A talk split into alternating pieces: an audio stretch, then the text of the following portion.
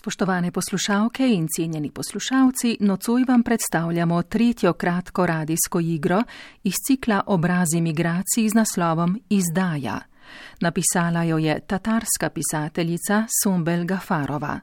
Dramaturginja Vilma Štritov, ki je delala z njo kot mentorica v delavnici dramskega pisanja na temo migracij na kitajskem, je iz celotne drame izbrala ključni prizor. Druga svetovna vojna se konča. Zmagovalci slavijo in kot po vsaki vojni se hočejo znebiti izdajalcev in sovražnikov. Tatarska avtorica prikaže razlog za beg, ko mora zaradi preteče izdaje povojnega kaosa in hitrih nedokazanih obtožb vojak, zapornik sprejeti težko, a usodno odločitev za beg ali zavrnitev domov. Veliko Tatarov je po drugi svetovni vojni pobegnilo in ta zgodba je zasnovana na resničnih dogodkih avtoričine družine. Univerzalna zgodba o izdaji in usodi posameznikov v trenutku konca vojne je bila tudi povod za pogovor z dr. Urško Strle, zgodovinarko, ki raziskuje prav migracije v Sloveniji po drugi svetovni vojni. Vabimo vas, da prisluhnete igri in pogovoru po njej.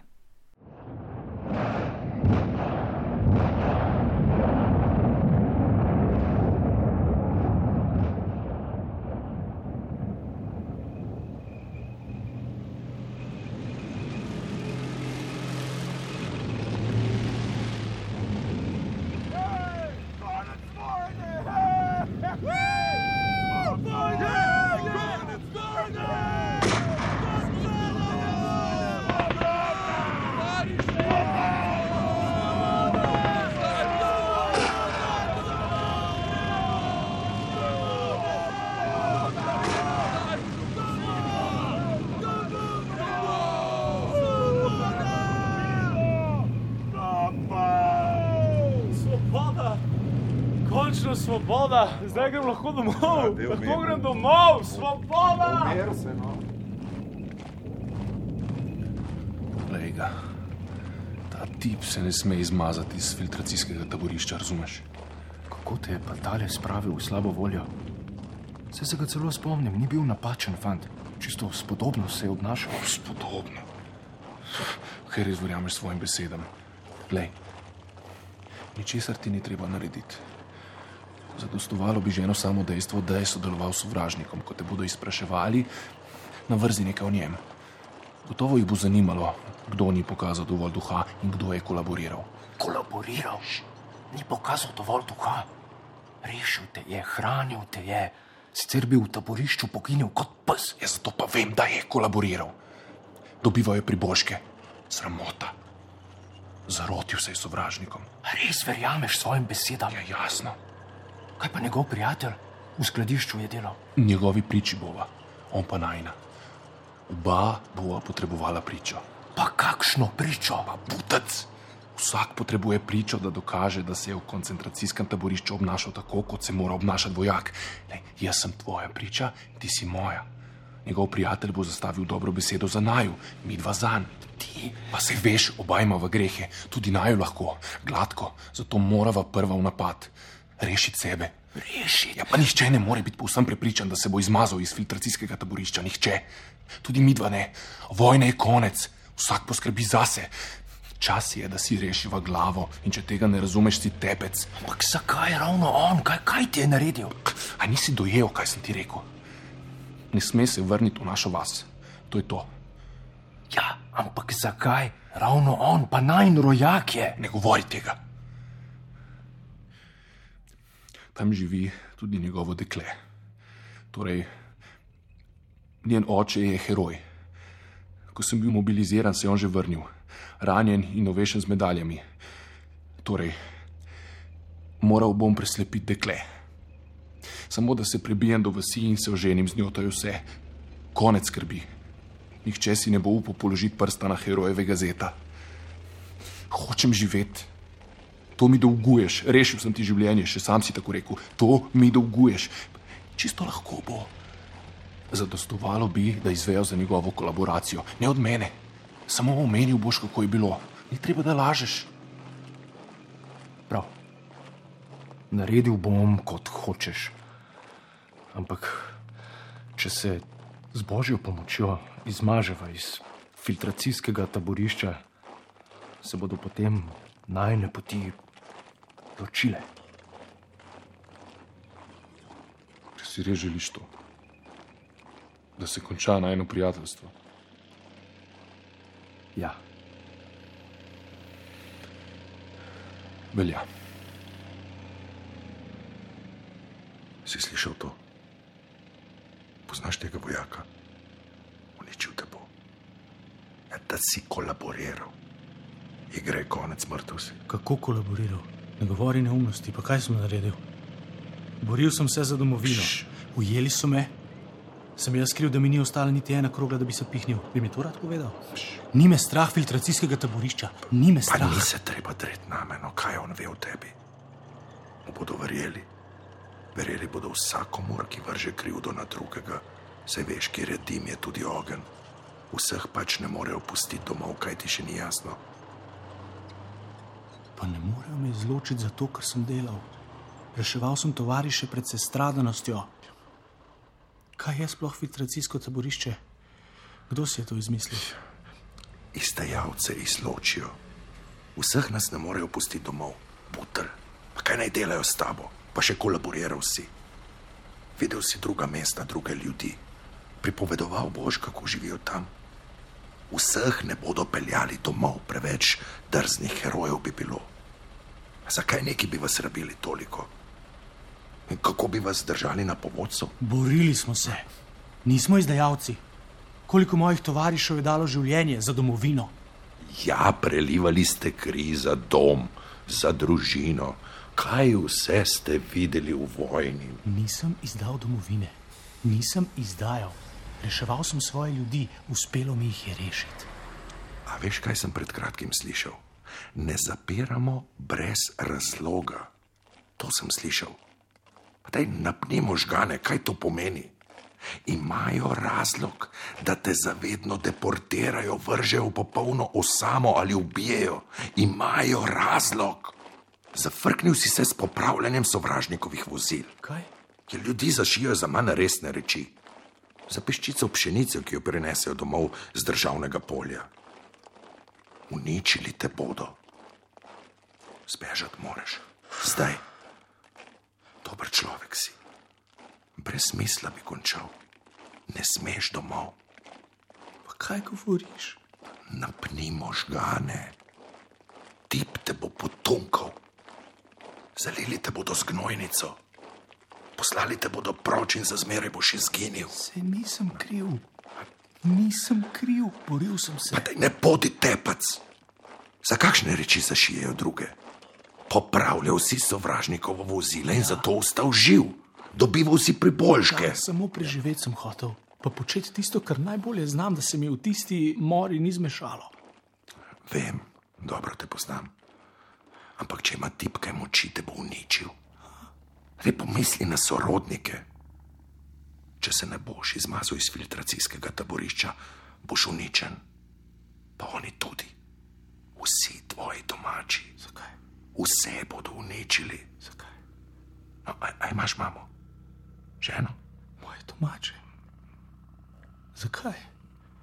Če si državni sovražnik, so oni sorodniki državnega sovražnika. To pa pomeni, da jih ne bodo pustili živeti. Ne, ne razumem. Daj no. Ne razumem. Pa kaj si mislil? Da se dogaja drugim, tebi se pa ne bo. Da je tvoj primer drugačen. Ne, enako se bo godilo tebi. Poslušaj, ker so nas izpustili zavezniki, je najbolje, da zbežiš skupaj z njimi. Iz koncentracijskega taborišča direkt v Kanado. Kam? V Kanado. Kanado, dobro si zapomni. Pa pohiti Boba, tako jo stisni, dokler je še mogoče. Teci, drugače te bo uničil in vse tvoje. In prav je, da to veš. Ja, ja. Razvrstite se! Dajmo, dajmo po skupinah! Ampak Po In pa daj priložnost. Razglasili te bodo za pogrešanega konec. Dajmo, razvrstite se! Teci, Bog bodi s tabo. Po skupinah sem rekel! teci. Teci, teci, teci.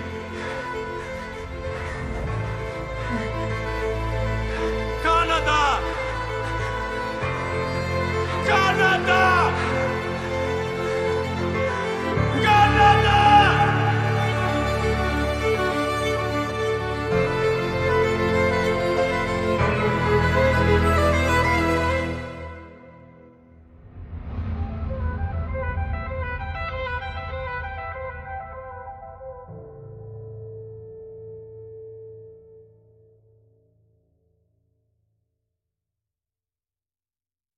Poslušali ste kratko radijsko igro Izdaja.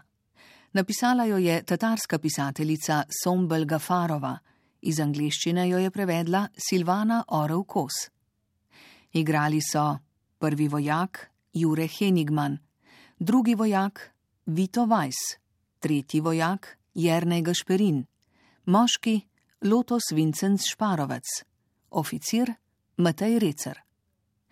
Tonski mojster Urban Gruden, glasbeni opremljevalec Luka Hočevar, dramaturginja Vilma Štritov, režiser Jože Valentič.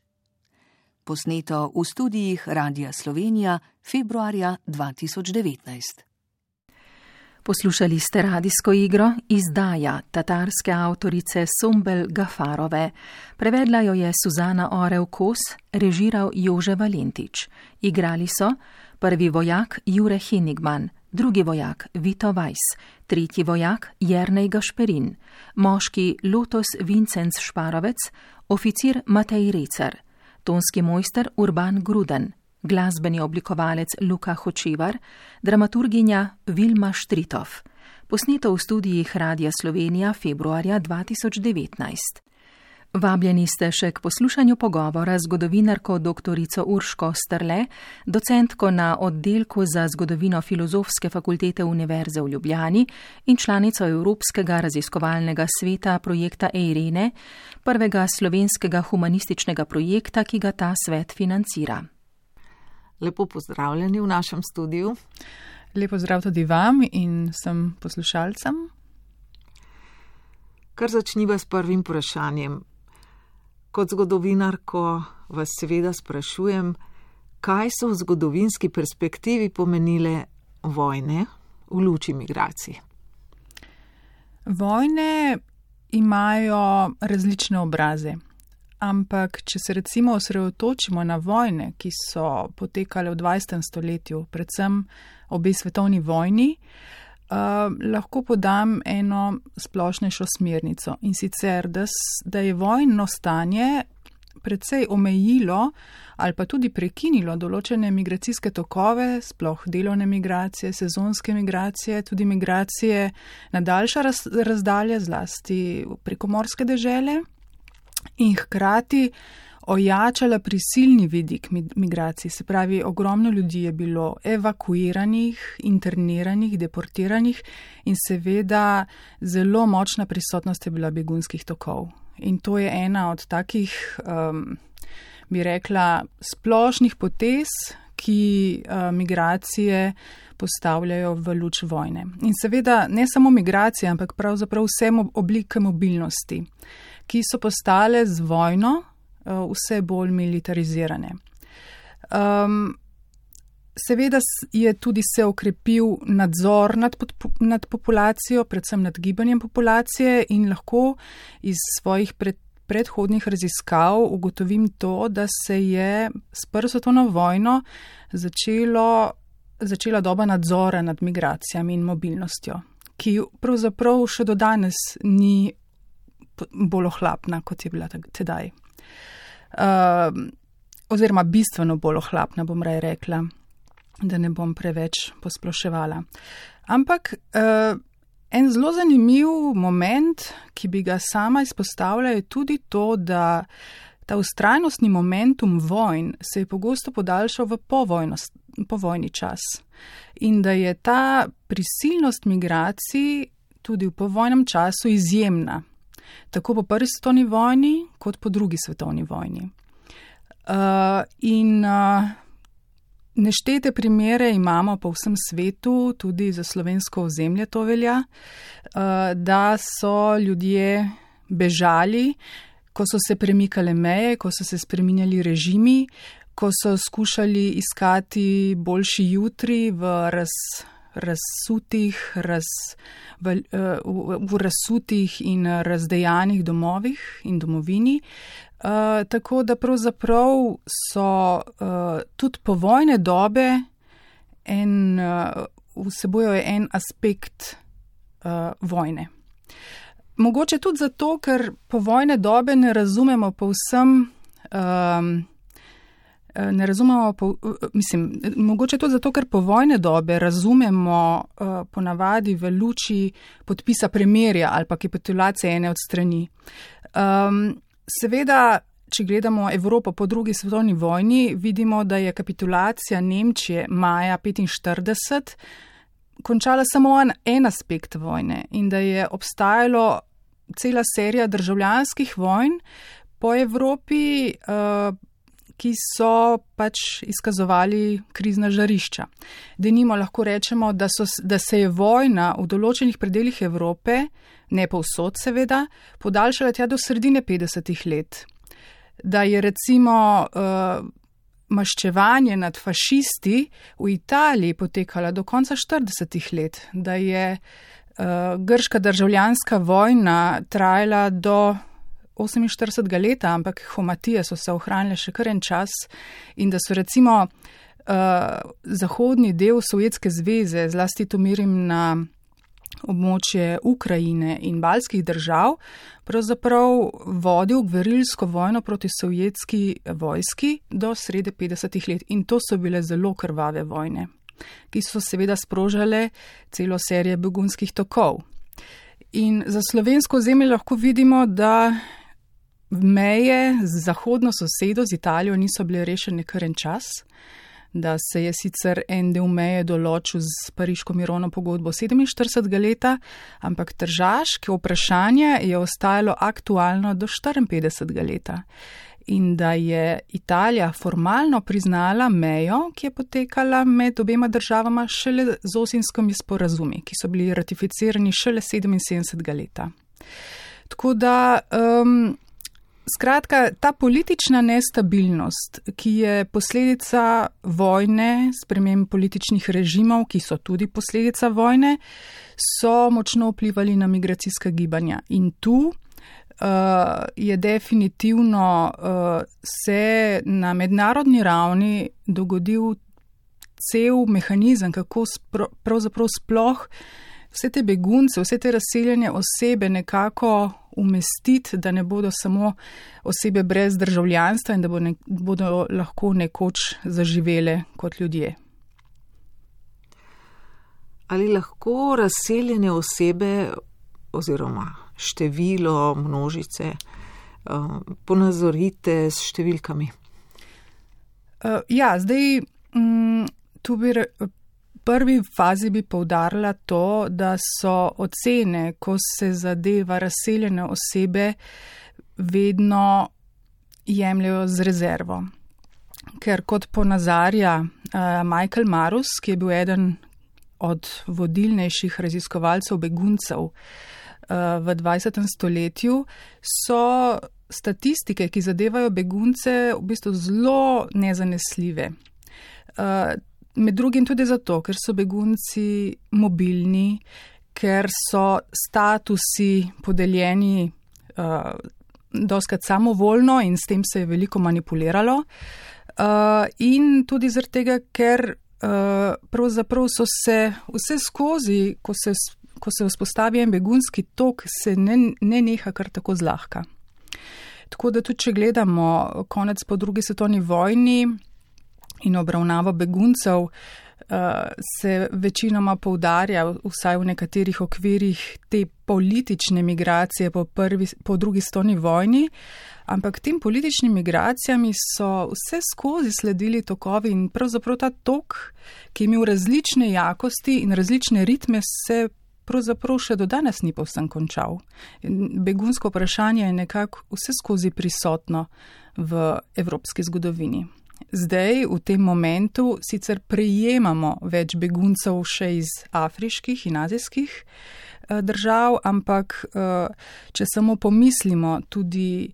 Uh, bego, bege možganov oziroma fenomen bega možganov, ki se je dogajal v 70. in 80. letih proti Zahodu in kjer so tudi posamezni od teh, ki so bežali, se predstavljali kot begunci, uh, potem to pravzaprav pojasnjuje. Samo to, da begunski tok nikdar ni bil posem zaključen.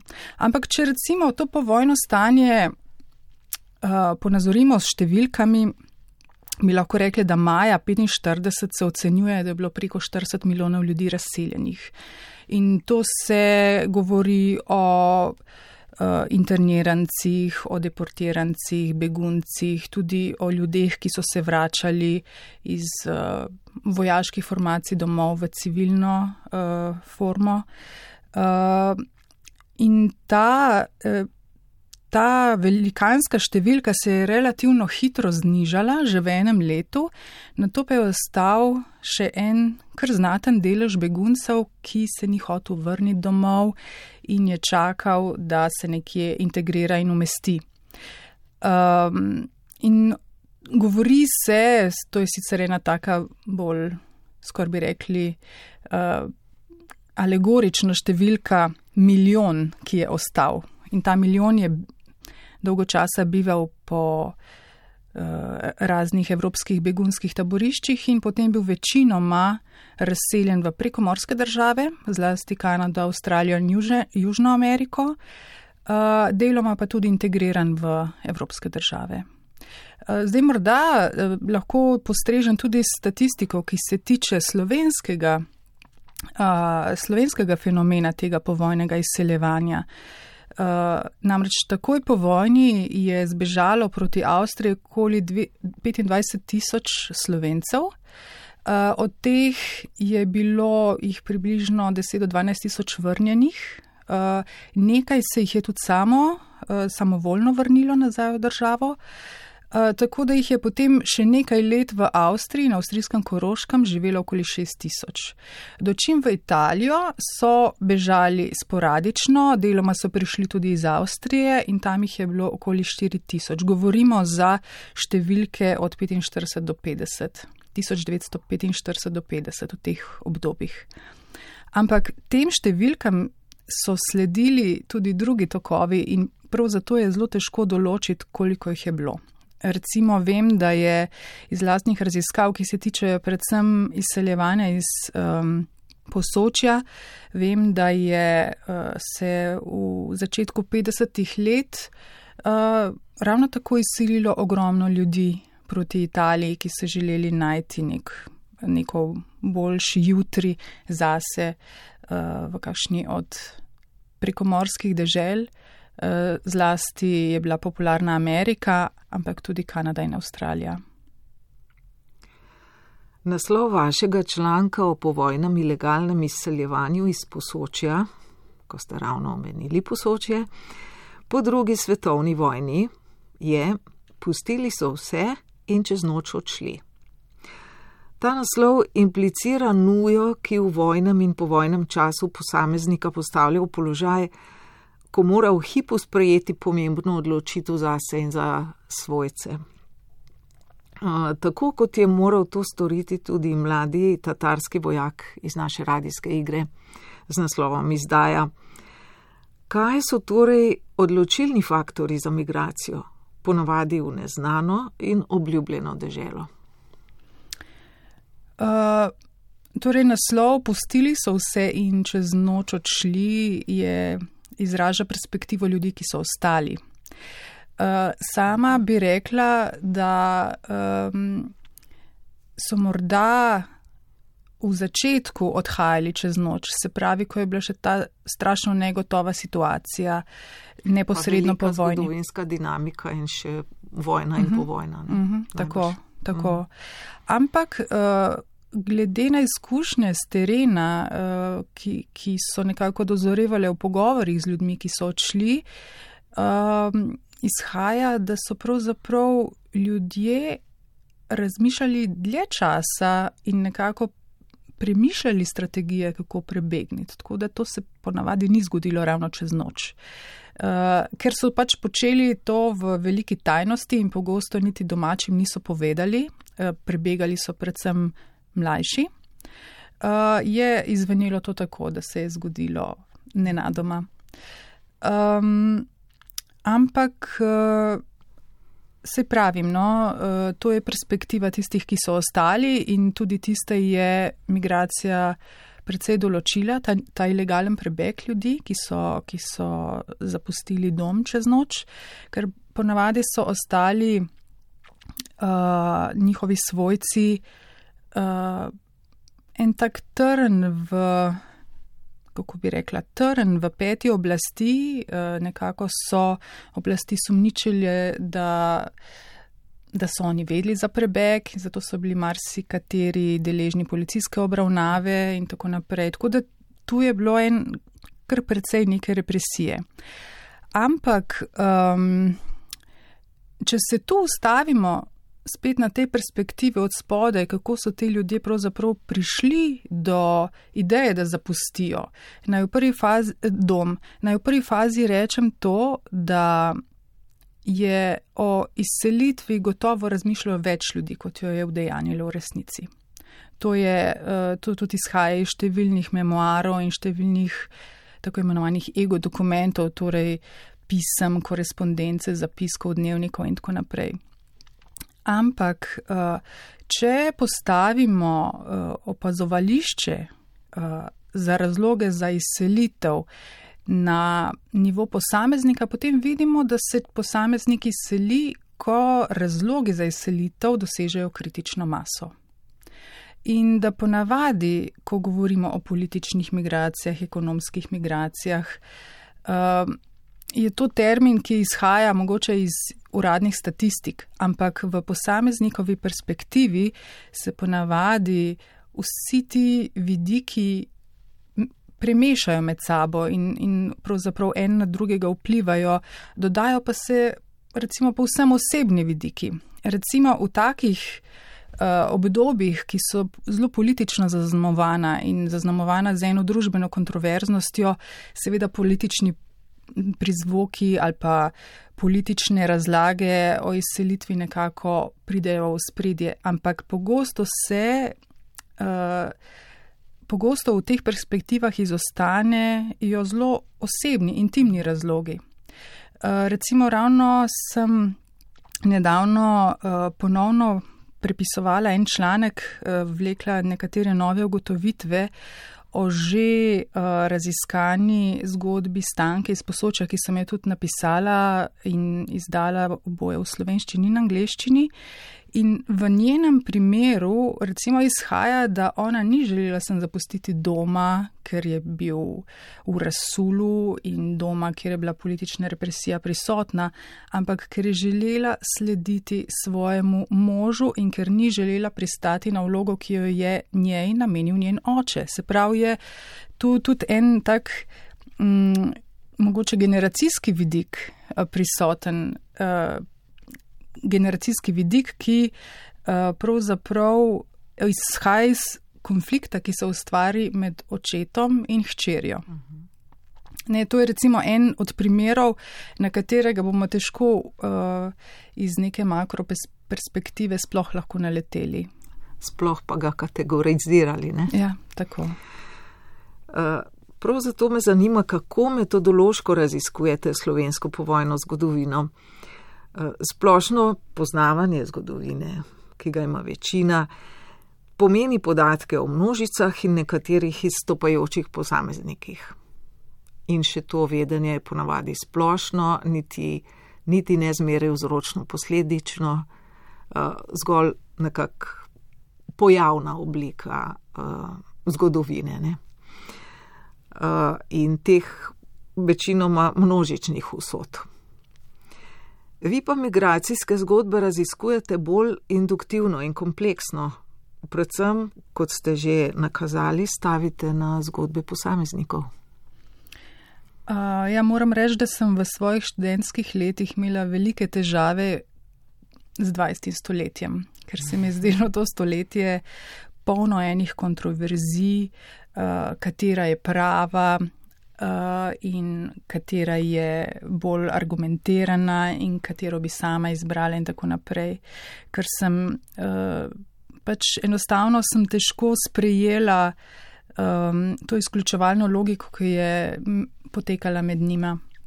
Ampak potem sem s študijom, študijem naletela na določene epistemološke prijeme, med katerimi so me zlasti prepričali, zgodovina od spodaj, mikrozgodovina, biografska zgodovina in tudi ustna zgodovina, ki pravzaprav vse nakazujejo, da je družba notranje konfliktna, da je družba polna nasproti in da se ta nasprotja pogosto nahajajo tudi v posamezniku.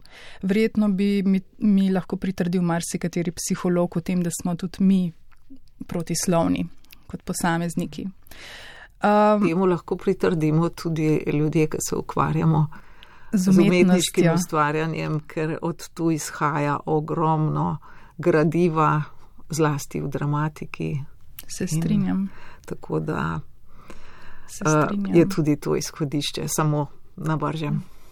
Ja, in um, se pravi, ko, ko v, v dobi, ko prihaja do tako množične udeležbe ljudi v javnem življenju, se seveda ta, ta nasprotja in te kontroverzije toliko bolj jasno pokažejo. In uh, sama menim, da je uh, zgodovina družbe rezultat vseh posameznikov, ki jo sestavljajo. Seveda, nekateri so vidnejši, nekateri so aktivnejši, drugi spet manj. Uh, ampak, če zložimo opazovališče neke dobe zgolj na pomembne osebnosti ali pa velike dogodke, zelo močno siromašimo razlegalni moment. Uh, Zgodovinjenja in pogosto, kot ste tudi sami rekli, izostanejo vzroki in posledice. Tako da meni se je zdelo um, tudi zato uh, bistveno nekako spustiti pogled uh, na posameznika, s tem, da seveda brez nekega vsaj ukvirnega poznavanja politične in ekonomske zgodovine tu ne gre, ker po drugi strani zopet obstaja nevarnost, ki se tudi dogaja v zgodovinopisju, da zgodba posameznika um, skuša razložiti to kompleksnost zgodovine, uh -huh. ki jo ni, nikakor ne more, je samo en del, uh -huh. en mozaik v tej podobi. Uh, tako da um, se pravi nek preplet pogledov od spodaj in uh, od zgoraj uh, se mi zdi nujen in tudi sama zelo veliko soglašam s tem, da je mogoče za razumevanje človeške družbe, uh, katere, kateri faktori nikdar niso enostavni, uh, ki je ne moremo zenačiti z neko matematično formulo, eh, posegamo tudi na področje umetnosti, ki pogosto neke etične, mogoče iracionalne dileme prikaže najbolj celovito in tudi najbolj iskreno. Če ni v zadju, seveda, kakšnih tendenc, ker so tudi pri umetnikih, seveda ne. Gotovo. Mm. Kanada kot obljubljena dežela za migrante različnih narodnosti igra vlogo tudi v nocojšnji radijski igri mlade tatarske pisateljice, saj so tam po vojni priseljenci ustvarili kar uh, močno tatarsko diasporo. Tudi Slovenci jo imamo, vi ste se podali prav tja, da bi slišali tamkajšnje migrantske zgodbe uh, za razlog, uh, ste nam že povedali, pa me vseeno zanima, kako ste raziskovali in kaj ste ugotovili. Ja, jaz sem si nekako kanadsko um, diasporo oziroma izseljevanje slovencev v Kanado izbrala za svojo doktorsko nalogo. Mm. Najprej sem izhajala pravzaprav iz, svoje, iz dela svoje družinske zgodbe, uh, kjer sem se nadela, da bom lahko dobila ogromno uh, osebnih dokumentov, tudi pričevanj in tudi eh, sam družinski kontekst mi je nekako omogočal zelo dobro razumevanje. Ampak v Kanado sem se podala tudi zato, ker, um, ker se mi je zdelo, da tu v Ljubljani oziroma v Sloveniji težko dobim tudi primerno literaturo, ki bi mi uh, pojasnila kanadsko zgodovino, kanadsko priseljensko politiko in tudi ostale skupnosti, ki so v Kanadi. Kanada je tradicionalno priseljenska dežela in v njej je ogromno um, diaspor, med drugim tudi tatarska, ki ste omenili. Malo sem se pozanimala, v Kanadi je med 4 in 5 tisoč tatarov. Tu seveda so všteti tudi tisti posamezniki, ki mogoče so iz mešanih zakonov, pa imajo tatarski izvor. Uh, na drugi strani slovencev je tja do 30 tisoč. Um, in kar me je pravzaprav najbolj presenetilo pri tem, ko sem se podala v študij uh, kanadskih slovencev, je to, da je razmeroma malo znanstvene literature na to temo. In to me čudi tudi zato, ker je številčno kanadska, kanadsko-slovenska skupnost primerljiva s tisto v Argentini in v Avstraliji. In tudi zato, ker so bili kanadski slovenci izjemno dejavni tudi pri, um, pri dejavnosti, oziroma so bili izjemno dejavni tudi pri propagandi in uh, spodbudi kanadskih oblasti, da priznajo Slovenijo. Kanada je priznala Slovenijo pred Ameriko v, v seriji držav, ki so jo pač priznale do 15. Uh, januarja. In uh, v tem zelo težko spregledamo tudi dejavnost kanadskih slovencev, ker je bilo ogromno enih pobud, klicov, peticij, demonstracij, ki so bile vse zelo mirne. Uh, in z ozirom na to, da je bil tedajni kanadski premije, uh, je imel ženo, srpkinjo, je to bil v bistvu kar nekakšen uh, zanimiv izziv, ki je uspel. In zdaj, mm, druga stvar, ki mi jo je dala Kanada v tem oziru, uh, je, so izjemno bogate knjižnice. Kjer sem se lahko sprehajala med policami in sama gledala knjige. To se mi je zdela izjemna pridobitev. Želela bi si tudi, tudi tu kakšne takšne knjižnice priročne. Um, in hkrati so me to, te knjižnice navdajale s fascinacijo, ker je toliko literature, toliko različnih perspektiv in tudi tudi toliko literature, ki mi je lahko služila kot primerjava, recimo kako so delovale druge skupnosti v Kanadi in tako naprej. Hkrati pa me je navdalo s frustracijo, ker sem vedela, da nikoli ne bom mogla vsega prebrati, kar me zanima. Um, zelo mi je bila zanimiva uh, kanadska priseljenska politika, ki se je v veliki meri naslanjala na ameriško in tu bi mogoče se samo vrnila v čas po drugi svetovni vojni, ko je Kanada začela sprejemati uh, begunce iz Evrope zelo množično in v ta čas tudi pade uh, um, najmočnejši tok iz Slovenije v Kanado, najmočnejši tok priseljencev iz Slovenije v Kanado. Um, namreč um, to je podoba izjemno kompleksne. Uh, kompleksnega sklepanja kompromisov, ki na eni strani zrcali to notranje državna protislovja v odnosu do, priselje, do priseljevanja Namreč že odkar so bila množična priseljevanja v Kanado, so se določene skupine, uh, določene plasti prebivalstva opredelile proti priseljevanju in določene za. In potem se vse čas dogaja ena taka, kako bi rekla, dinamika med tema dvema, um, med tema dvema poloma, ki so seveda tudi podvržene. Uh, volilnim uh, rezultatom, tako da so pač nekako mogli tudi upoštevati volilno bazo. Ampak leta 1947 je šele Kanada odprla vrata evropskim beguncem, se pravi, so nekje dve leti, tri leta čak, nehali, so čakali v Evropi, preden so jih sprejeli. In potem se je dogodilo, da je pravzaprav se. Um, Kanada je imela zelo premišljeno priseljensko politiko, ki jo je deloma prevzela od Amerike um, in je nekako skušala selekcionirati priseljence na petih nivojih.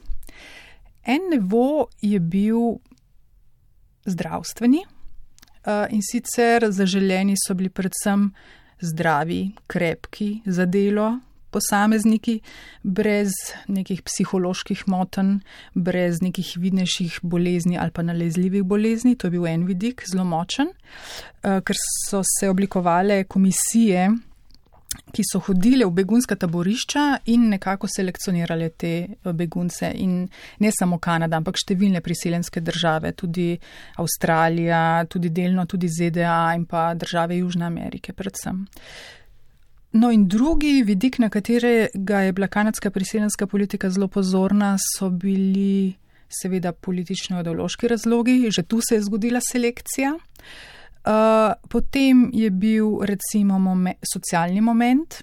Kanada ni bila prav preveč navdušena nad priseljevanjem kakšnih uh, številčnejših družin ali pa starejših oseb, ki bi lahko bili v breme državi. Naslednji vidik je bil rasno-etnični, določene etnične skupnosti niso bile zaželene v Kanadi. Tako da vidimo iz vseh teh eh, parametrov, da je pravzaprav kanadska uh, družba na sredi 50-ih let nekako ni bila uh, tako, ni imela tako humanitarnega slovesa, kot je uh, mogoče ga ima danes, ampak je bil to nek kompromis, ki so ga vladajoče elite ustvarile glede na zahteve svojih volilcev, svojega volilnega telesa, bom tako poenostavila.